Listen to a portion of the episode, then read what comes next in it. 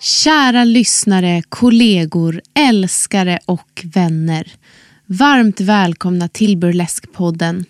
Varmt välkomna till Burleskpoddens årsavslutningsprogram till och med. Jag heter Aurora Brännström och vi sitter på Custom Music Productions tillsammans med Andreas Hedberg som sköter ljud och redigering, precis som vanligt. Och Burleskpodden produceras av Brännström och Lundgren Jazzproduktion HB. Ja, 2018. Burleskpoddens andra år. Vilket fantastiskt år vi har haft. Jag är så glad att jag får förtroendet att vara eran värd här i poddeten, er burleska värld. Ännu ett år. 2017 var ju lite galet. Vårt första år där vi bara pumpade ut massor, massor med program. Jag tror det blev 30 stycken. 2018 har vi liksom jobbat lite mer i lugnt tempo. Vi har gått ner och vi har gjort ungefär hälften så många program i år som vi gjorde mot förra året. Och Vilket har känts ganska skönt tycker jag. Då har vi liksom haft tid att ja, jobba mer metodiskt och det har blivit på ett annat sätt. Och jag tror att framtiden kommer se ut ungefär som det här året. Ännu vet vi inte så mycket om 2019 men jag tänker att eh, ungefär 15 program per år är liksom en ganska bra nivå. Sådär. Det här programmet, vår årskrönika, här kommer ni att få höra klipp från de program som vi har släppt under året 2018. Jag tänkte berätta lite grann om alla mina gäster och eh, så får ni veta lite grann vad som har hänt bakom kulisserna kanske. Yes, är ni redo? Jag är verkligen redo. Så jag tänkte gå igenom de program som vi har haft här under 2018 och så kommer det att bli klipp från dem. Första programmet, vi började storstilat. Då fick vi hit Pepper Potemkin, detta energiknippe. Det var oerhört härligt att få ha dig här Pepper. Man blev ju väldigt inspirerad och eh, uppväckt, om inte annat, av din fantastiska energi. Väldigt glad blev jag. Men många år innan dess, då var jag en person som, nej men inte ska väl jag, nej, mm. nej, nej, nej. Vilket också är helt mm. sjukt att jag då ändå vågade, nej fan jag gör det. Ja. Och sen har det ju bara liksom, det var ju som en eh, snöboll mm. som bara rullade bort och så mm. bara, allting har öppnat sig mer och mer. Ja. Så det är också en uh, grej att jag bara sket i allt och körde mm. faktiskt. Jag ja. fattar inte vad det var som tog åt mig riktigt. Men, nej. Men, va, nej, men precis, vad, och vad hände i dig med det liksom? Hittade du dig själv eller hittade du en ja. ny del av dig själv? Nej, eller? jag ja. skulle nog säga att jag blommade ut mer. Mm. Alltså, jag mognade mer liksom, på ett personligare plan och med allt. Alltså jag har aldrig haft något problem, alltså just så här klassiskt man tänker med burlesk att man ska, man, det är ju med kroppar, kroppsfixering. Mm. Jag har aldrig liksom tänkt att, så, vad små bröst jag har eller ja, fula mm. ben eller något sånt. Mm. Jag har inte brytt mig liksom utan det är, jag, jag har det jag har och där, så här ser jag ut och varit ja. stark i det. Men, eh, och sen komma in då i burleskvärlden där man ser att det är en sån kroppsfixering i många lägen. Mm. Och ändå bara, nej men äh, vadå, vi kör, vi kör ja. allihop, vi har ju ja. kul och alla får vara med. Och det var ju det som man blev fick lära sig mer och mer att nej, men det här är ju kvinnor och män som ser ut som de gör och det mm. är ju det bästa som finns. Och jag mm. menar, för mig är det ju det säkraste, eller ja, det, det snyggaste, det sexigaste är ju en självsäkerhet på scenen. Ja. Att du bara, äh, du bara kör. Mm. Och jag eh, tycker själv att jag alltid gör det när jag står på scen. Jag hoppas att de som ser mig upp, uppfattar det också ja, så att ja. de inte bara, fan håller de på med? men, ja, men samtidigt, jag resonerar så här, take it or leave it. Alltså, mm. Det blir vad du gör det till. Och mm. jag vill också ha roligt på jobbet. Ja. Så att då... Men det är väl en ganska vinnande attityd? Ja, jag. ja men jag tror det. Eh, mm. Och jag kör den stenhårt mer och mer. Liksom, ja. För att jag mår bra av det.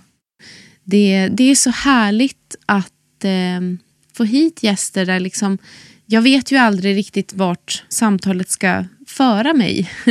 Jag, jag har ju en tanke om ungefär vad jag vill fråga och vad jag vill säga och sådär. Men, Men sen så kommer gästen och så kan det bli någonting helt annat eller någonting helt nytt. Och, ja, Pepper var en sån person som, som drog iväg med mig och samtalet och det var väldigt, väldigt härligt. Efter Pepper på Temkin så hade vi del två av det här Club Kids som vi hörde del ett av förra året.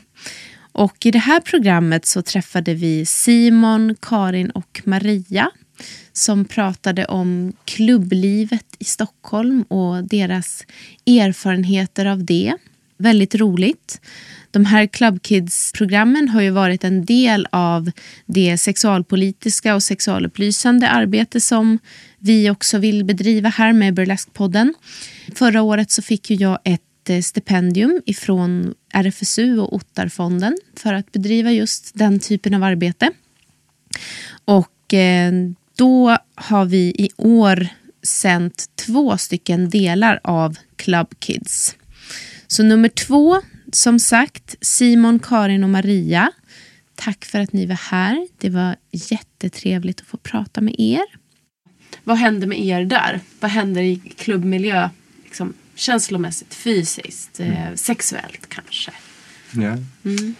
Där så skulle jag säga att, att det bästa exemplet är de, mer, de, de, de klubbar som är mer åt fetischhållet. Liksom, mm. Där du faktiskt får klä upp dig och du använder latex eller PVC eller mycket glansiga kläder och mer, kanske att jag lägger mer, eh, mer energi på en outfit för en sån klubb än vad jag mm. gör normalt.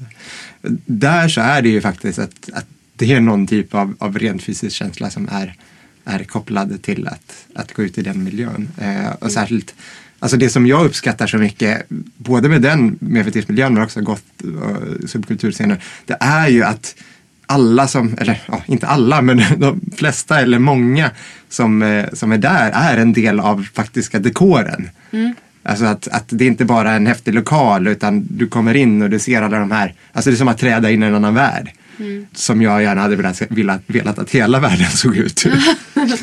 För att jag tycker att det är oerhört estetiskt tilltalande. Mm. Och det gör mig glad. Mm. Jag gillar att jag aldrig någonsin känner mig överklädd. Det är en stor del av grejen med det som är skönt med burleskscenen för mig. Att jag är aldrig någonsin mest överklädd. Jag är aldrig någonsin ett spektakel bland en massa människor i jeans och t-shirts. Och jag tycker det är jätteskönt. Jag, jag, den här känslan av att, att känna mig som alla andra, att inte sticka ut, tycker jag är fantastisk. Mm. Det är liksom en befrielse att få ja, gå all in och bara mm. ja. ta på sig precis vad som helst eller hur lite som helst och du är ändå aldrig värst. Mm. Precis, och veta att, att ingen kommer att komma fram och fråga en ifall man är på väg till, till en filminspelning eller, eller varför man ser ut sådär eller någonting i den stilen. Ja. Utan folk kommer bara liksom, ja men det är väl helt normalt. Liksom. Jag tycker mm. det är otroligt skönt faktiskt.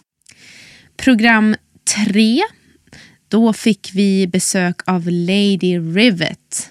Denna fantastiska kvinna, denna entreprenör och eh, positiva feministiska boost skulle jag vilja säga. Tack för att du ville komma och dela med dig och inspirera oss, inspirera mig och oss. Vilken power, kan man väl säga. Verkligen. Jag blir väldigt nyfiken när du säger liksom, er form av feminism. Mm. Vad, vad, är det för en, en slags feminism? Ja, nej men som sagt det vi enades över var just det här att ja, men varför ska man inte kunna få vara sexuell? Att just det här som jag brukar prata om i burlesken mm. också, att vända sexuellt objekt till sexuellt subjekt. Mm. Att ibland kan det kännas som att man nästan inte får vara så kvinnlig som man skulle vilja vara till mm. exempel. Att det kan finnas människor som tycker att så här, nej men det där är inte tillräckligt feministiskt. Eller mm. till exempel. Medan vi tyckte tvärtom. Nej, det är ju precis det här som är feminist. Det är klart mm. att vi ska återövra vår sexualitet. Och eh, ja, just i och med burlesken också. För mig handlar det just mycket om det att eh, ja, som sagt få vara ett sexuellt subjekt istället för objekt. Och eh, mm. att det är liksom inget, det är inget fel i att vara lättklädd. Och det är inget fel i att visa upp sin kropp och så vidare. Utan det kan finnas en väldig styrka i det och att mm. få ta den platsen. Efter Lady Rivet så fick vi hit Anders Fox. Och eh, Anders Fox var det väldigt roligt att få intervjua därför att han, eller du Anders, är ju inte burleskartist utan en eh, person som har liksom en helt annan ingång till burlesken. Anders är ju magiker och eh, har jag träffat på honom i burleska sammanhang och eh, han har väl liksom kommit in i burlesken med sin magi.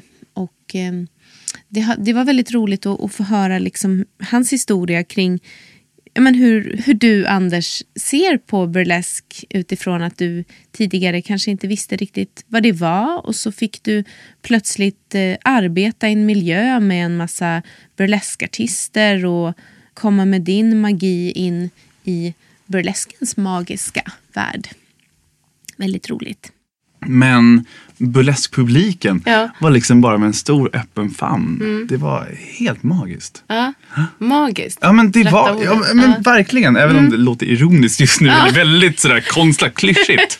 Använder ordet magiskt. Så. Vet du att jag kom på att livet är klyschigt? Alltså klyschor finns ju för en anledning. Ja, jo men det gör det. Det är bara man inte vill använda dem så man blir paketerad i eller ja. det är facket. Det är väl det. Jo, fast det är ändå så här, det är fint på något sätt. Men eh, okej, okay, men vad, vad, är det som, kan du sätta fingret på liksom varför du kände så? Vad, vad det var med burleskpubliken som, som gjorde det här möjligt liksom? Jag tror att det har att göra med att som sagt själva burleskgenren är en sån öppen och ärlig och naken, mm. alltså på sitt sätt. Så att publiken tar emot en person och då måste ju publiken ge så mycket tillbaka också. Mm. Så jag tror det är det det handlar om. Jag tror att publiken, eller den burleska publiken är också en öppen publik. Mm. Som kan ta mer, eller är öppen att liksom se mm. mer än vad en, en annan sorts publik som mm. kanske sitter på ett företag just kan det. se. Liksom.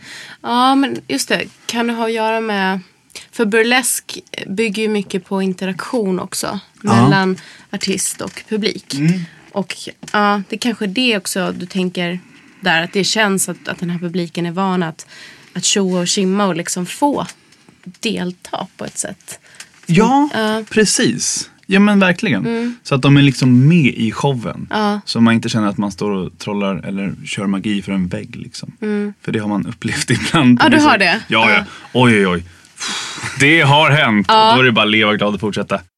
Vidare, Yvonne Sita, fantastiska Yvonne Sita var här och berättade om sitt eh, liv med burlesken, eh, dina erfarenheter av Paris och eh, ja, relationen med mamma som jag tyckte var väldigt fin att få höra.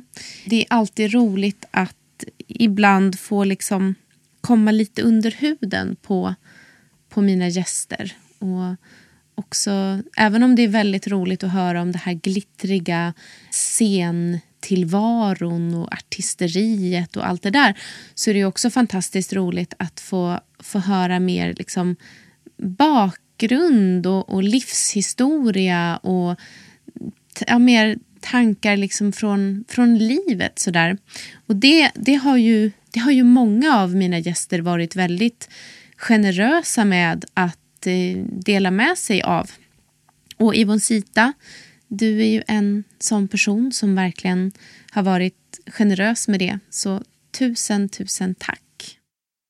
Kan vi prata lite om Paris? För det här tycker ja. jag ändå var väldigt spännande att du började där. Mm. Det är inte så många av våra svenska burleskartister som har börjat utomlands. Nej, precis. Faktiskt. Ja, men det är, sant. Ja. det är sant. Hur kom det sig?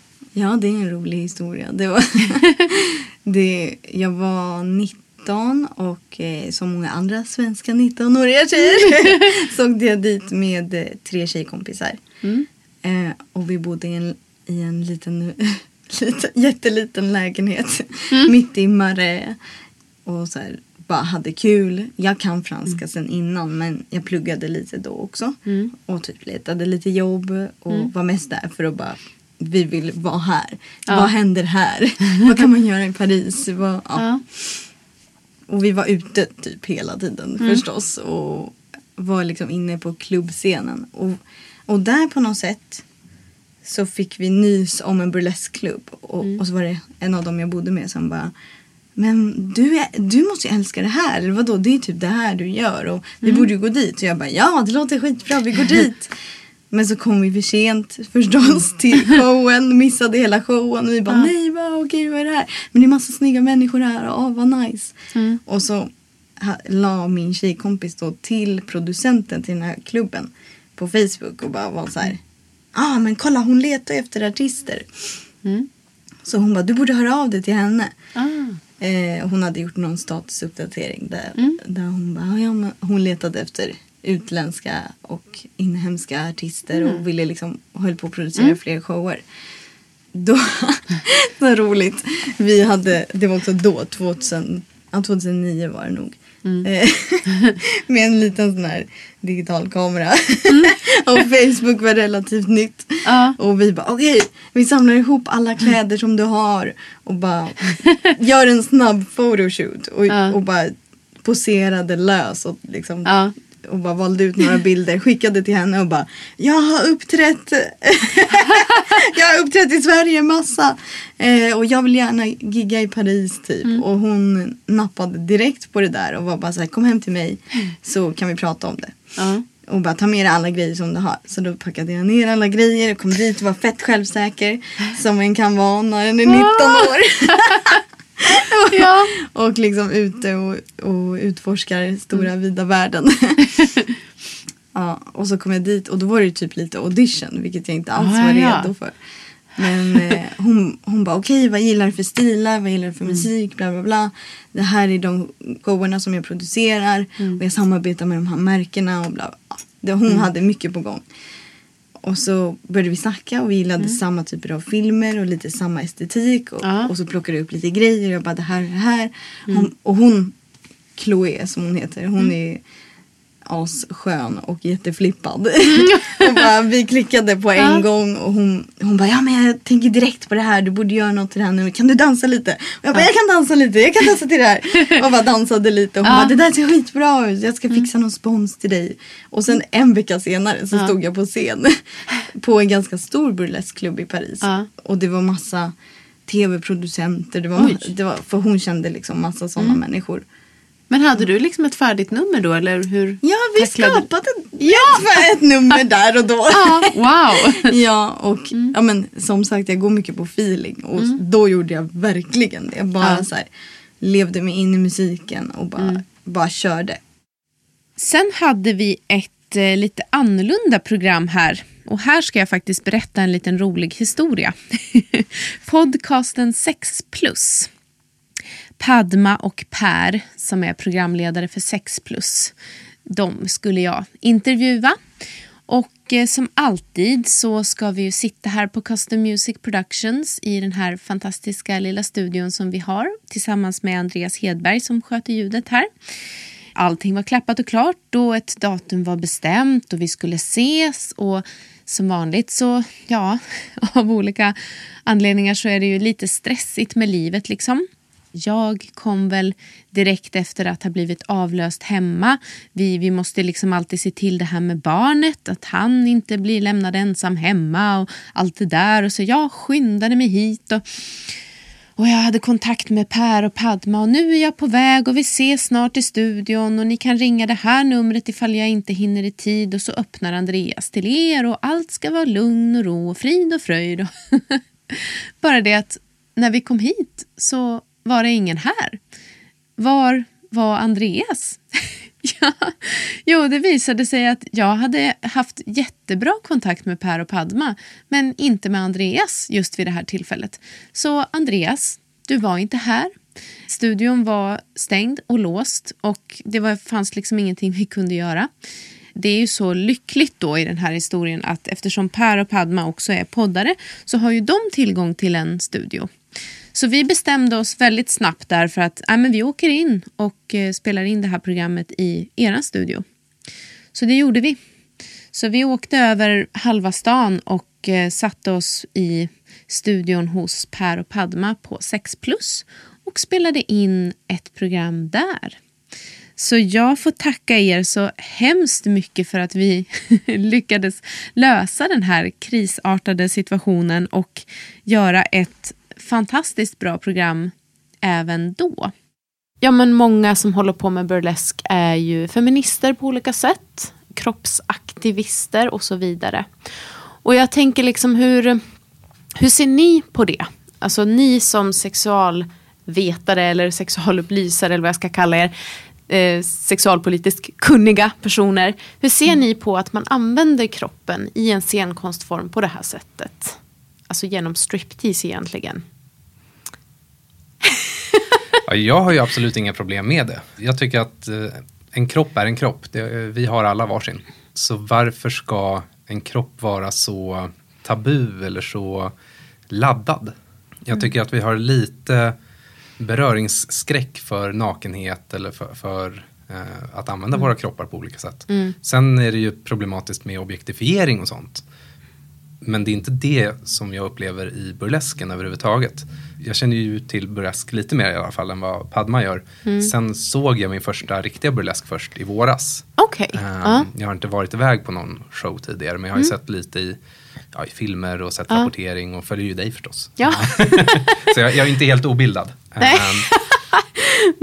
Men eh, det är ju en, en väldigt positiv stämning och det är ju också så att du är ju inte ett objekt på scenen, du är ett subjekt väldigt mycket känner jag. Så det, jag, jag tycker att det är, det är väldigt bra egentligen att, att använda sin kropp om man är bekväm med det. Som också kanske en, eh, ett politiskt ställningstagande eller som ett redskap för att driva någonting. Eh, Jag är ju fotograf också, jag tycker väldigt mycket om att fota naket. För jag tycker det blir väldigt vackert.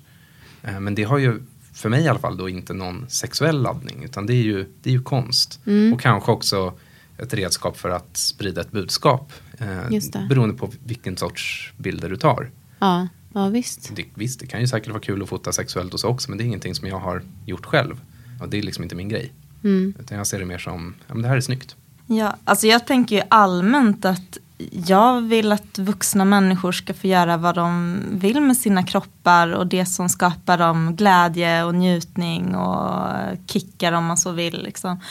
Eh, och tycker man om att vara, att synas på en scen eller eh, ja, eller man trivs med att vara naken på olika sätt och så, så, så är ju det Ja, nej men det är klart att människor ska få göra det. Och det tycker jag är det sorgliga som, i och med att vi hade ett sexpositivt fokus. Att samhället är väldigt sexnegativt upplever jag i stort. Att det finns väldigt smala mallar för hur vi ska vara med våra kroppar. Att eh, förväntningar kring hur vi ska klä oss och vad, hur, hur vi uttrycker oss. och Ja, ja, men vi ska, och speciellt som kvinnor, att man ska inte vara för eh, frigid och för påklädd men sen så ska man inte vara för, ja men ni vet, hora madonna-komplexet och där.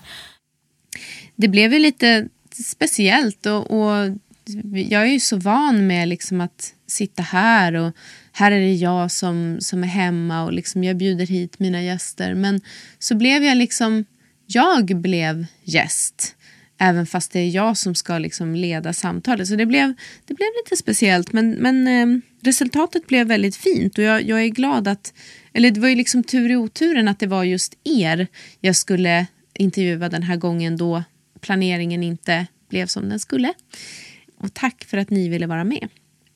Efter den här historien så ska jag berätta om det program som kom sen.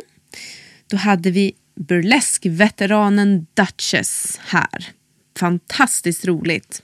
Så glad att du ville komma Duchess och så glad att jag hann och haffa dig innan du flyttade till USA med din stora kärlek och försvann härifrån Sverige. Det var, jag hann precis göra den här intervjun innan du flyttade så jag är väldigt glad för det.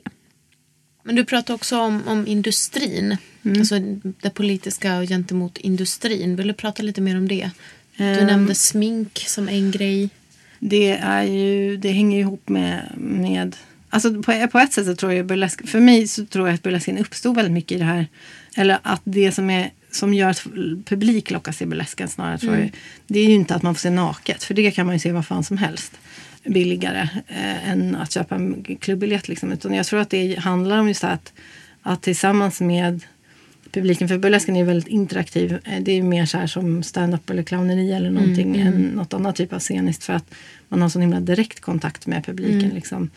Men att man då får bygga upp tillsammans mellan publik och scen så får man bygga upp att det är spännande Mm. med kroppen och naket. Och vad finns under handsken? och det är ju egentligen ingen som behöver undra det. Det är inte på, som på 1800-talet när man inte såg en ankel någon annanstans. Mm. Liksom. Och jag tror att det är det som är lockelsen, att man så bygger Mm. tillbaka mystiken in i det på något sätt. Så det är klart att, att på, på sådana sätt så relaterar burlesken till massa olika industrier och till sexualisering Mm. eller, eller liksom eh, helgonifiering av kroppar. Och, Mm. och sen jag uppskattar också att det är mycket en queer scen och en ifrågasättande scen och, och allt sånt där. Så att jag, frågan är hur det då, om det är möjligt för att vara mainstream och fortfarande vara det som, som är burlesk eller om det liksom inte riktigt Ja. hänger ihop där. För pengarna tyvärr är ju, går ju tydligt att se att det finns fortfarande mest för normativa liksom, eh, kroppar. Alternativt eventuellt då någonting som kan klassas som freak och konstigt och liksom jätte out there för att chocka. Men det är lite de två ytterligheterna som, som tar sig vidare i, i, till pengar till exempel. Tror jag mycket. Efter Duchess så hade vi del ett av en programserie som jag hoppas att jag ska kunna göra flera program av eh, framöver. Min kropp som feministiskt vapen har jag valt att kalla det.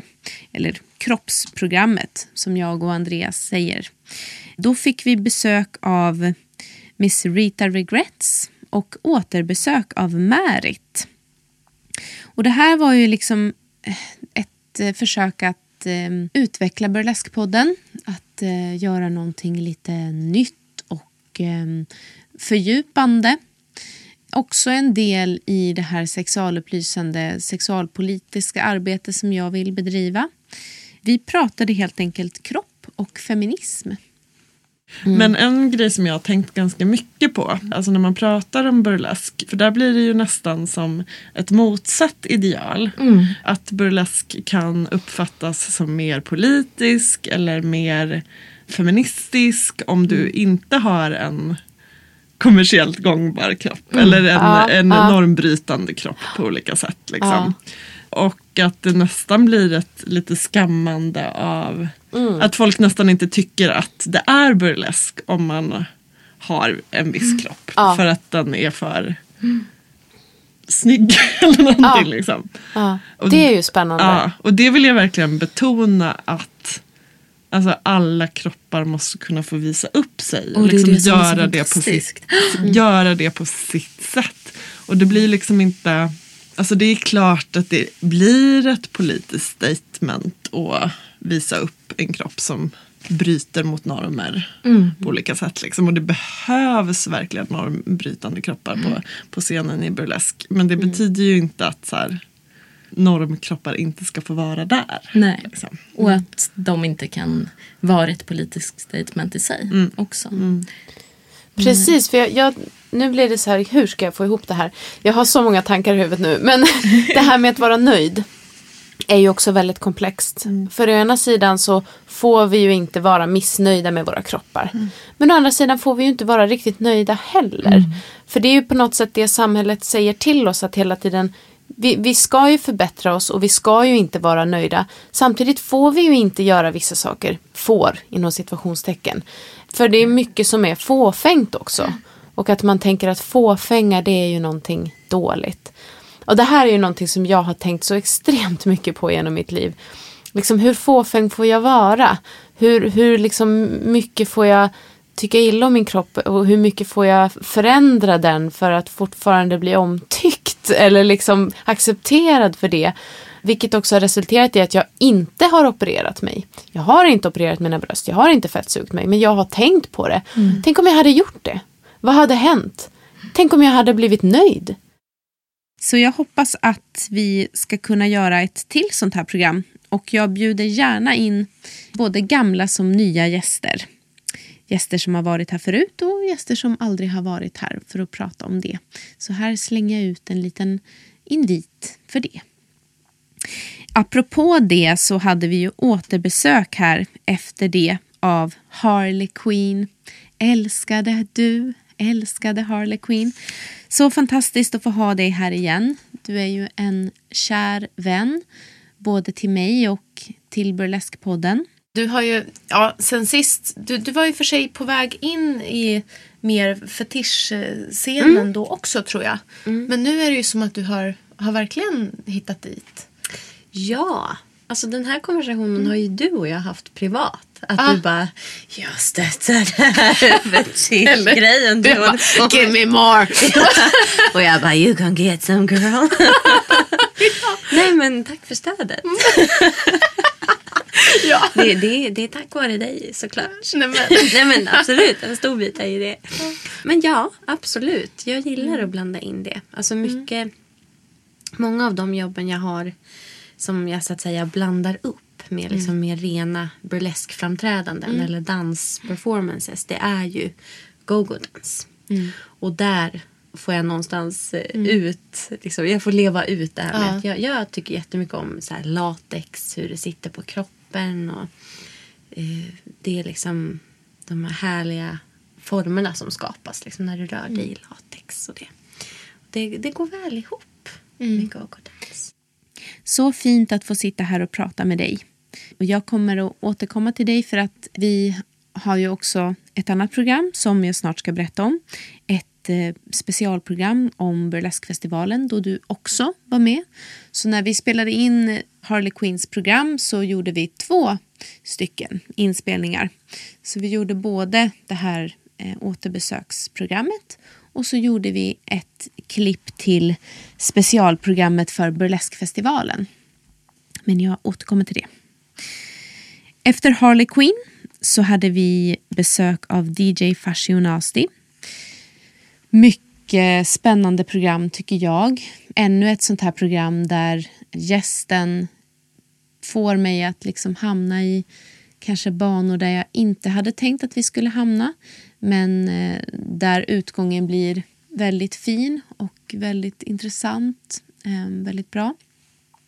Vi pratade om eh, glamour till exempel, vilket blev en, en väldigt, väldigt intressant diskussion.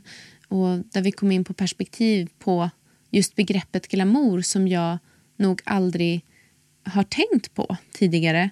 Tack Farsionasi, Åke Kapelin, för det. För att du liksom vidgade mina vyer lite grann. Det var, det var väldigt fint. Nej, det är också en intressant ja. aspekt av det där att mm.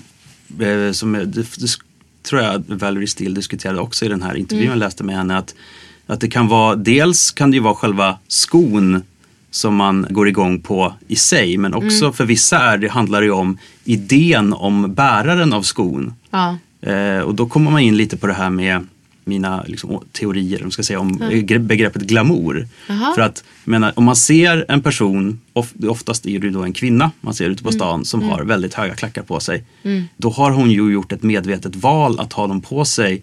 Mm. Och vi vet ju alla att höga klackar inte är de mest praktiska skorna att ha på sig. Så då har hon ju valt att sätta det visuella och det estetiska ja. framför det praktiska. Ja. Och det är lite för mig definitionen av glamour. Mm. Ah, okay. Eh, När man liksom väljer det visuella och jag vill vara snygg snarare än jag vill vara bekväm. Och för vissa då kanske det är en, liksom en idé eller en fantasi om så här, ja den här kvinnan måste vara extra sexig för hon har valt att göra sig obekväm för att vara mm. snygg. Mm. Medan andra då kanske bara liksom räcker med en sko för att de ska gå igång. Ja. Just det, men då menar du att, att det liksom i den fetischistiska läggningen också kan ligga i att man tittar på en sko och föreställer sig ja. det som ska ner i skon. Precis. liksom. Det finns ju vissa då kanske som är mera fotfetischister som kanske föredrar mm. sandaletter och sådär som inte mm. döljer foten men som ändå mm. liksom visar upp den på ett smickrande sätt. Just det. Men eh, jag är väl sådär mer att eh, jag kan få det där pirret i magen när man ser ett par snygga skor. Men det är liksom mm kanske en tanke på hur det skulle kännas att ha dem på sig. Liksom. Ah, hur ja, ja. snygg jag skulle vara ah. och vilka kläder jag skulle ha till de där skorna ah. och hur det skulle kännas att gå i dem. Så. Ja men det där kan jag relatera till. Mm. Så, så är ju jag också. Jag, jag Hjärtat tänker... börjar klappa lite extra sådär. ja. Man bara känner, åh, måste ha. Mm. Efter DJ Fashionasti, eller Åke Kapelin som vi också kan säga eftersom du heter ju så så hade vi del tre av det här Club Kids som jag berättade om tidigare. Och då fick vi besök av Anna och Bodil som båda sitter i styrelsen för Dekadans Stockholm. Så eh, det blev liksom både ett eh, sånt här Club Kids-program men också ett program som handlade ganska mycket om just eh, dekadans.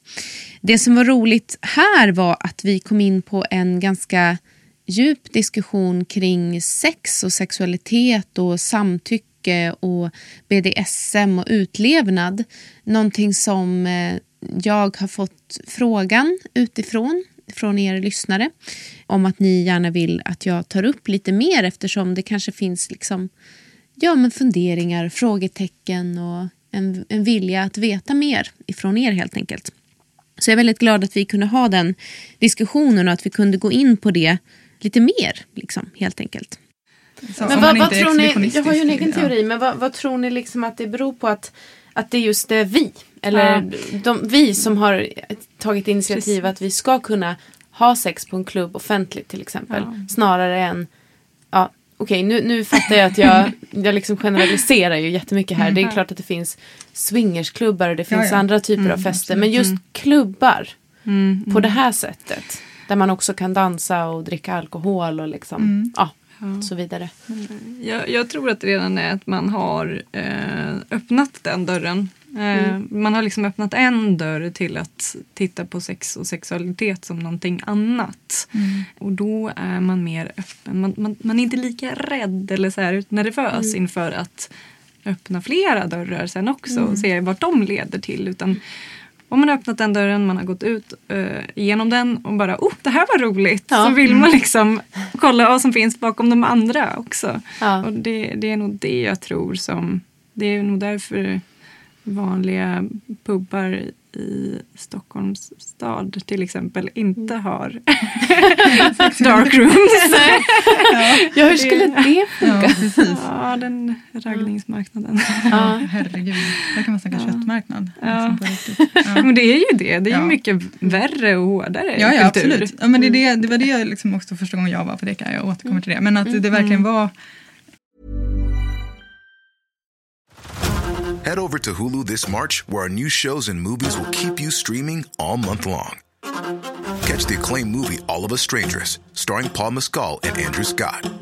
Stream the new Hulu original limited series We Were the Lucky Ones with Joey King and Logan Lerman. And don't forget about Grey's Anatomy. Every Grey's episode ever is now streaming on Hulu. So, what are you waiting for? Go stream something new on Hulu.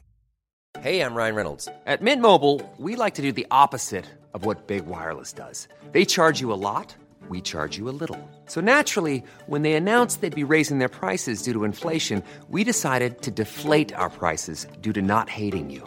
That's right. We're cutting the price of Mint Unlimited from $30 a month to just $15 a month.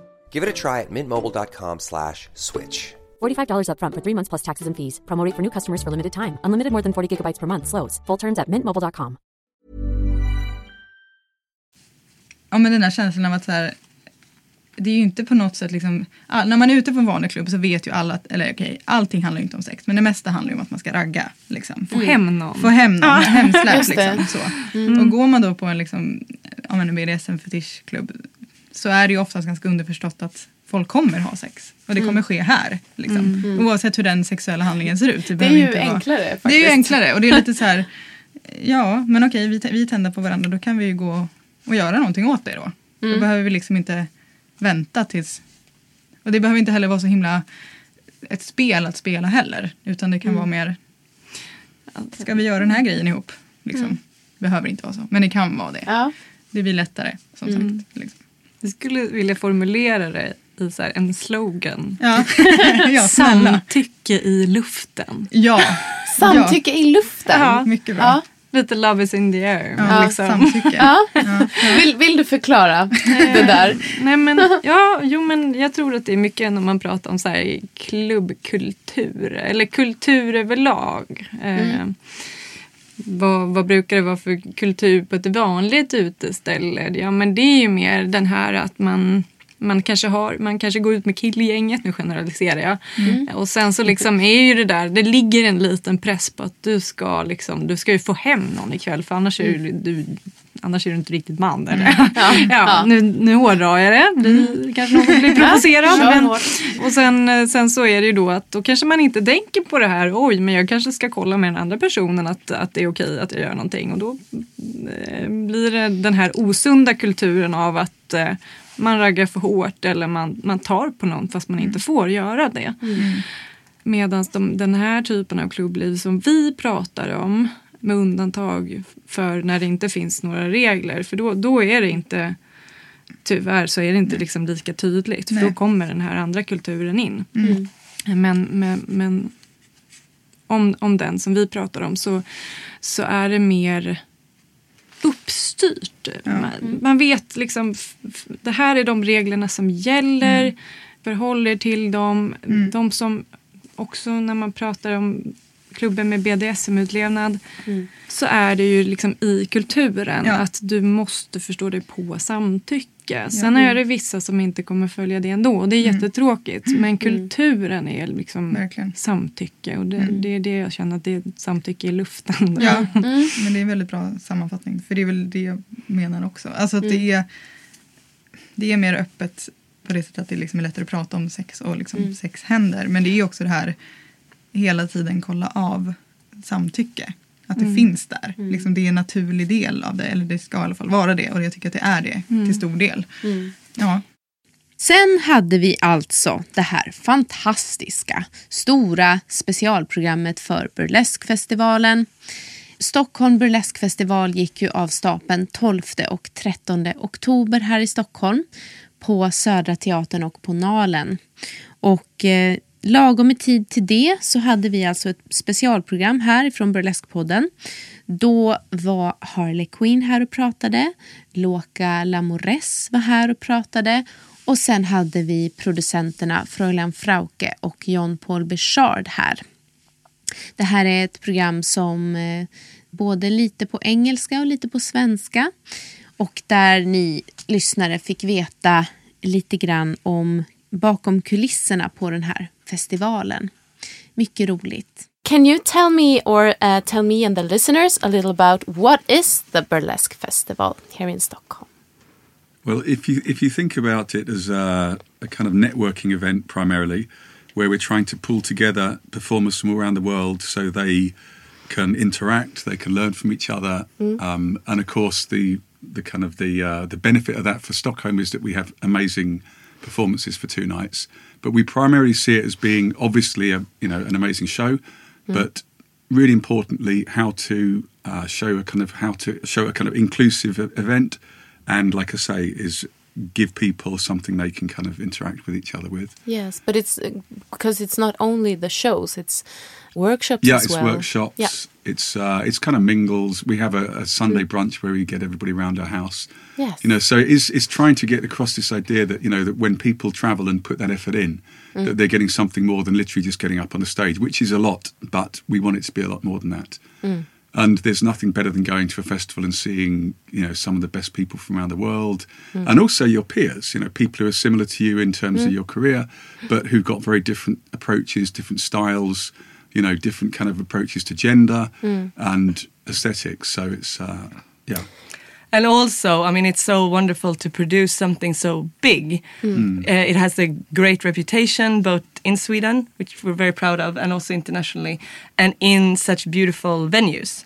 So we're going to be at Södra Teatern again in Yes. the on the Friday night, Mm. which is, I mean, literally one of Sweden's most beautiful theaters. Yes. It's you know, it's it's big, it's uh, gorgeous, and it's really really fun to for us who mostly do shows, which is more about nightlife and uh, kind of interactive, Mm. uh, you know, a kind of more spontaneous space in a way. It's really fun to have a seated audience. Yes. And then on the Saturday Saturday we are in our in our normal home venue Nalen, which also is so so gorgeous.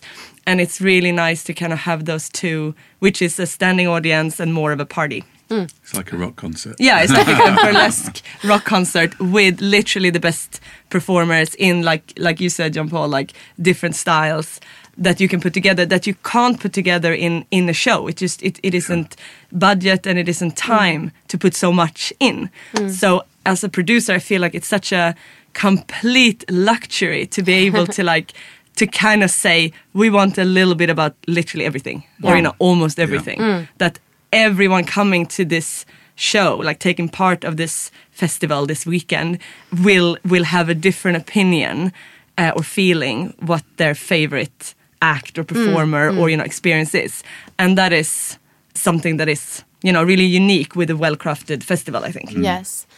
Jag tänkte, nu har jag inte förberett dig på det här, men, men om du har några så här minnen eller någonting speciellt Mm. som du kommer ihåg ifrån Ska vi ta ditt första år till exempel? Ja. ja. Där har jag ett jättetydligt minne som jag, så här, det- jag blev så varm i hjärtat. Det var Tigger var Mm. med under den festivalen. Ja, just det. Och han hade ett nummer som heter The Emperor's New Strip. Alltså Mm. som lite The Emperor's New Clothes. Ja, gud. Åh, gud, Ja. och han, ja, precis, han kommer ju ut helt naken och, och kör sitt nummer med alltså liksom gestikulerar, eller liksom spel, jag kan vet inte vad man ska säga, mimar att han har Ja, kläder på sig och liksom låtsas ta av sig. Och då efterfrågar han en person som kan låtsas gå in och hjälpa honom få upp en klänning som sitter fast. Mm. Och jag liksom upp med handen och så blev det jag. Och jag var så glad för det var så häftigt för han gjorde det här så bra. Så att man Ja, tänkte nästan att ja, men han har kläder på sig. Så jag fick komma in Mm. och liksom stå och brottas med den här osynliga dragkedjan. Det finns bild på det också när jag Ja. står. Ser väldigt bekymrad ut liksom. Mm. Han försöker liksom täcka över det och se glad ut. Ja. Vad så- roligt Ja. att du tar upp det här, för det här är också en av mina favoriter som jag brukar tänka tillbaka till så här. Ja. Fan vad bra det var. Alltså det var så, ja, det var så himla roligt. Att, Mm. Och att jag liksom fick vara en liten del av det häftiga Just numret. det. Det är så himla kul. Det är sånt som man kan råka ut för som stagekitten. Jättekul. Ja. Ja, var du nervös då? Eh, lite grann. För jag tänkte så att jag, må, jag måste ju liksom, det måste bli bra. För att alltså, han var ju eh, Alltså han är ju som stor känd artist, jag tror han var en av headlinersna då också. Ja. Och jag ville verkligen bara, jag måste göra det här rätt. Eh, Mm. Men jag gick in för det och liksom använde så mycket skådespelartalang som jag har. Och det, jag tror att det funkade. Ja. Eh, så. Eh, och han är så himla duktig. Sen efteråt gick vi in och bar ut också låtsaskläder. Ah, Åh, ja, just det. Men gud, ja, jag älskade det numret. Ja, så himla, ja, ja det är så roligt. För, för liksom riktigt helt naket, det ser man ju inte så ofta ändå. Nej, det är inte vanligt. Eh, Så jag tänker också att det måste ha varit ganska mycket av en chock för publiken att han kom ut liksom verkligen spritt språngande naken. Mm. För annars så täcker man ju ofta alltså liksom könsorgan och ofta så är ju Mm. bröstvårtorna också täckta. Men här, Mm. det var verkligen, han gick all in. Ja, verkligen. Mm. Hörru du, vi ska prata lite om burleskfestivalen. Mm. Och eh, jag skulle gärna vilja höra vad du har för relation till den. Det är ju en lång relation. Den har gått igenom många faser. Ja. vi, vi har historia kan vi säga. Ja. Det var det jag visste. ja. så, så du har jobbat liksom bakom scenen med den här festivalen? Ja, bakom scenen och på scenen. Det är ju någonstans eh, där jag upplevt att allt varit som mest och bäst strukturerat som stagekitten. Det är ju, du har ju varit där själv och sett eh, Freja Furch som Mm. hon heter, in Ja. action. Alltså det är nog världens mest strukturerade eh, stagekitten och stage manager. Ja, det är så. Hon är ju helt fantastisk. Då går ju hon in som eh, chef Ja. över de andra stagekitten på ett fantastiskt sätt. Mm. Och bara du vet så här, du har ansvar över det. Nu är det det här numret med en massa mjölk och mjöl. Det kommer vara stänk över hela scenen. Någon ska spruta eld. Du tar det, jag tar det. Så löser det sig allting Ja. jättebra. Ja, jag kommer ihåg, vi har ju varit med en gång, det var ju 2015 när Ja. vi skulle spela där i, på Södra Teatern. Och då träffade vi ju på dig och Freja Furch. Ja. Och jag kände, men från bådas era håll, att det var, det var väldigt så här, ni hade koll. Ja. Ja, och, men fortfarande var väldigt hjärtliga och trevliga och mm, Åh, vilken tur. Ja. Det är liksom, Ja. Då är, är du ju så inne i din bubbla när du jobbar med det där. Så Mm. då, Just det. det blir lite så här, nicka och le. det här blir bra det här. Ja. Det var också väldigt kul för att i år så jobbade jag faktiskt med Burleskfestivalen. Så jag var en del av teamet bakom och eh, väl på plats så fick jag ta hand om artisterna. Artister från hela världen. Jättehäftigt och kul. Jag fick också sälja lotter till förmån för Bröstcancerfonden. Det här Oktoberfest som vi har pratat lite grann om här i Burleskpodden också. Vilket ju är eh, en sak som återkommer i samband med burleskfestivalen varje år. Och där det också tillkommer en tävling. Tävling i Tassel Twirl. Så att det jobbade jag med. Så det kändes liksom lite speciellt med festivalen överhuvudtaget i år. Jag har ju haft, eller jag har ju en, en eh, personlig relation till Stockholm Burlesque festival sen tidigare. Jag har ju besökt festivalen såklart sedan 2013 tror jag. Sen har vi också uppträtt på festivalen, jag och Ludvig, vid 2015. Burleskpodden har också varit sponsor till Burleskfestivalen förra året. Och så fick jag vara med och jobba som team och även sända det här specialprogrammet i år. Så det känns, det känns kul att liksom ha en relation till den här festivalen och att ha fått vara med under årens gång och liksom haft en del i det hela tiden. Så tack Harley Quinn, Loka Lamores, Fräulein Frauke och John Paul Bechard för att ni var med på det. Och jag vill särskilt också tacka Felicia, Fräulein Frauke och eh, John Paul Bechard för att ni så fint har stöttat Burlesque-podden genom hela vårt liv. Tusen tack. Efter det programmet så hade vi ett eh, lite annorlunda program. Jag bjöd hit eh, popartisten Miss Henrik. Han var väldigt intresserad av att komma hit och han, han vet ju inte så mycket eller liksom har ju aldrig varit så insatt i burleskvärlden tidigare men när jag frågade honom om han ville komma hit så sa han ja direkt och var väldigt entusiastisk och glad över att komma hit. Någonting som jag blev väldigt glad för. Miss Henrik är liksom en av, en av de artisterna som jag har lyssnat ja, väldigt mycket på på senaste tiden, eller i många år. Jag tycker om dig jättemycket och det var så roligt att få intervjua dig och höra om ditt liv och ditt artisteri och din, din historia. Jag tänkte bara avslutningsvis, eftersom det ändå är Burlesque-podden. Mm. Har du någon relation till burlesk? Jag har en relation så som jag har till, um, jag tänker mig så här, som jag sa innan, en New York 70-tals gayklubb så har jag till burlesk också. Det känns Mhm. så sjukt spännande och jag har, vill ta större del i det. Men har varit lite rädd för allting som har med det Men nu, senaste tiden när jag verkligen har börjat komma tillfreds med mig själv så, så är det det ingår i hela den världen som jag känner så, oh, det här måste jag ta reda på mer om. Mm. Så jag har en, en, en fascination och en, en äh, längtan efter att vara med mer men jag har inte någon relation som liksom, vad jag talar om nu. Nej. Du måste ta med mig på någonting. Jag tänkte precis säga det. Jag, jag ska ju fan göra det. Ja, För du måste få uppleva den här världen. ja det vore skitkul. Jag tänker ju liksom att Burlesque-podden framförallt handlar ju om burlesk. Men det ska ju också innefatta andra scenkonstformer som liksom har med sex eller sexualitet att göra. Där artisteriet eller där artisten använder sexualitet i sitt sceniska uttryck.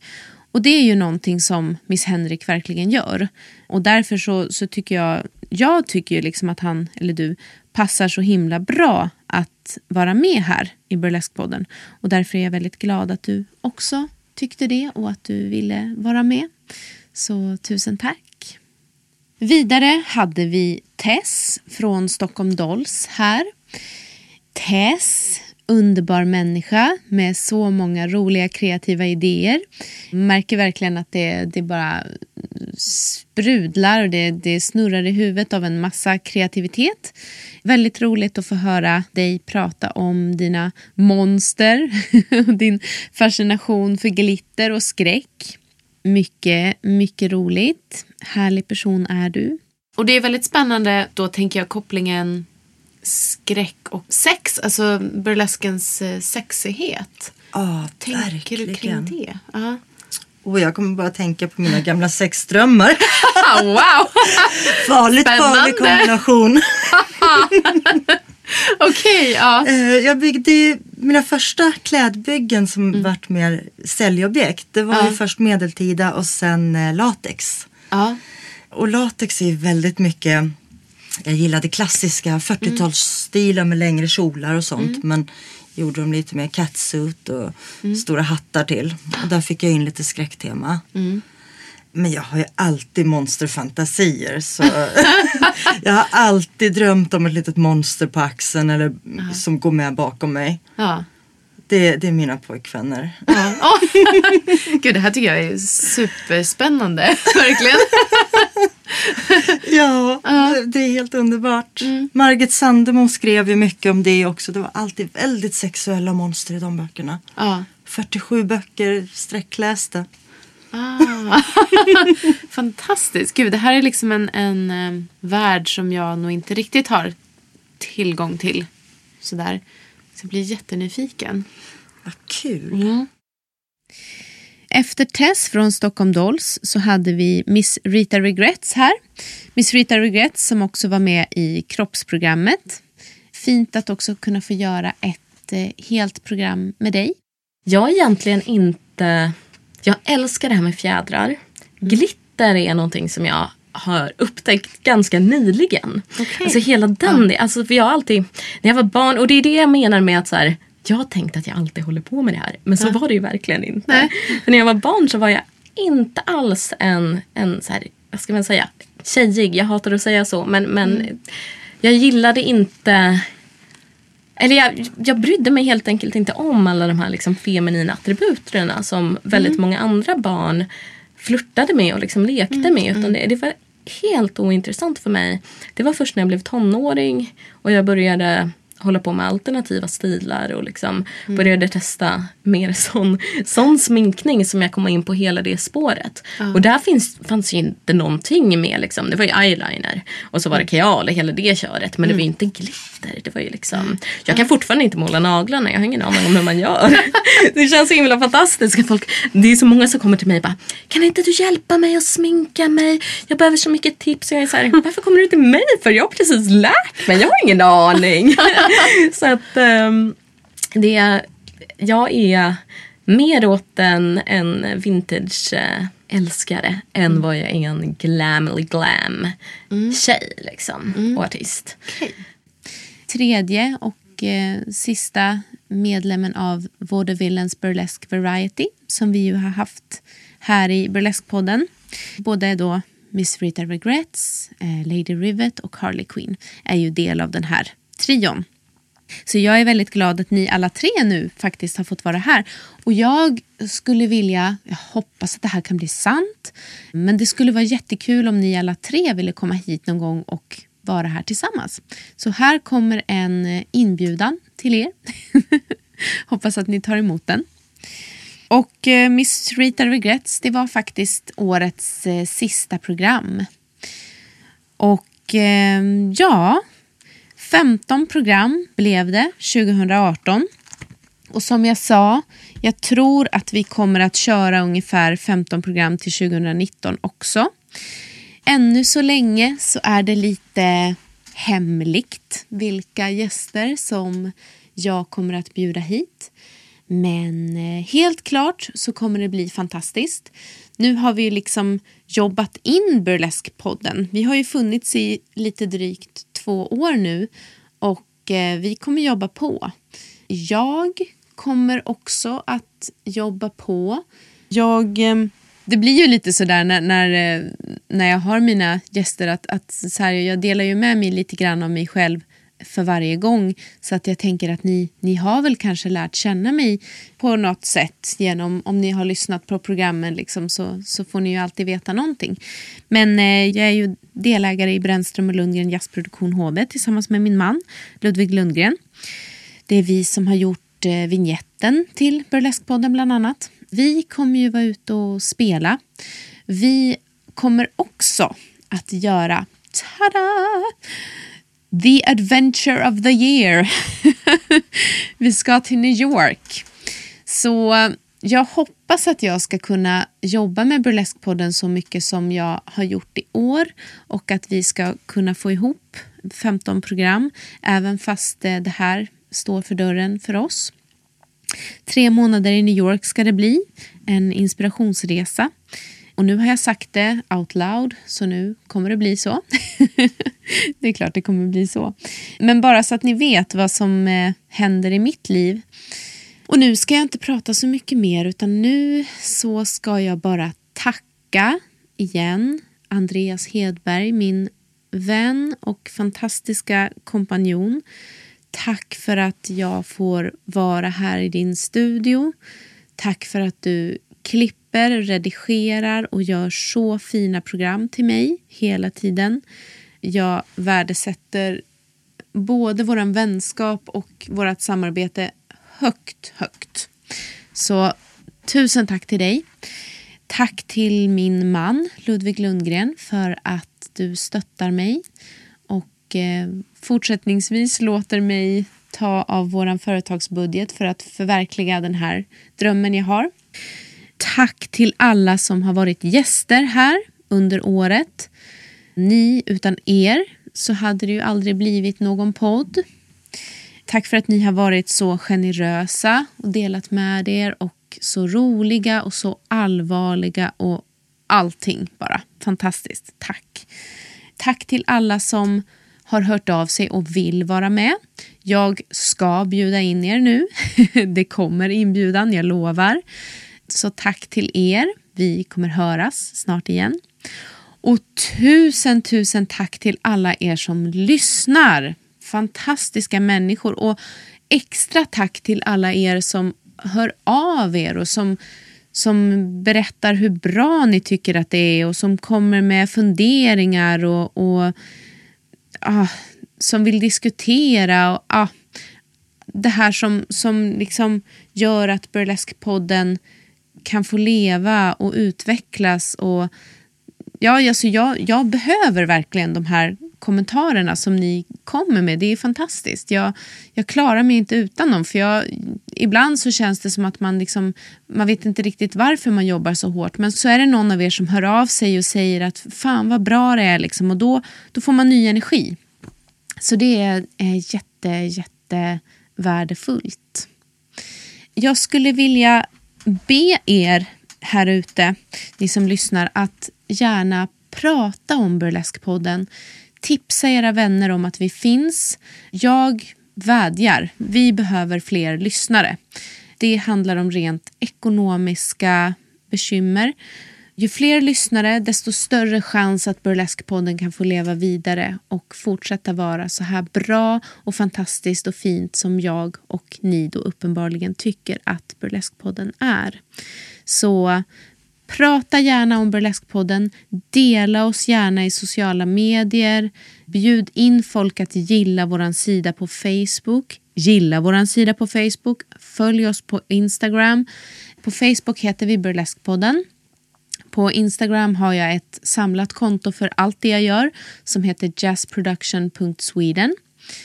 Och sprid ordet till nära och kära och bekanta för att vi behöver alla, alla supportrar, alla lyssnare vi kan få. Så, nu har jag hållit ett litet brandtal.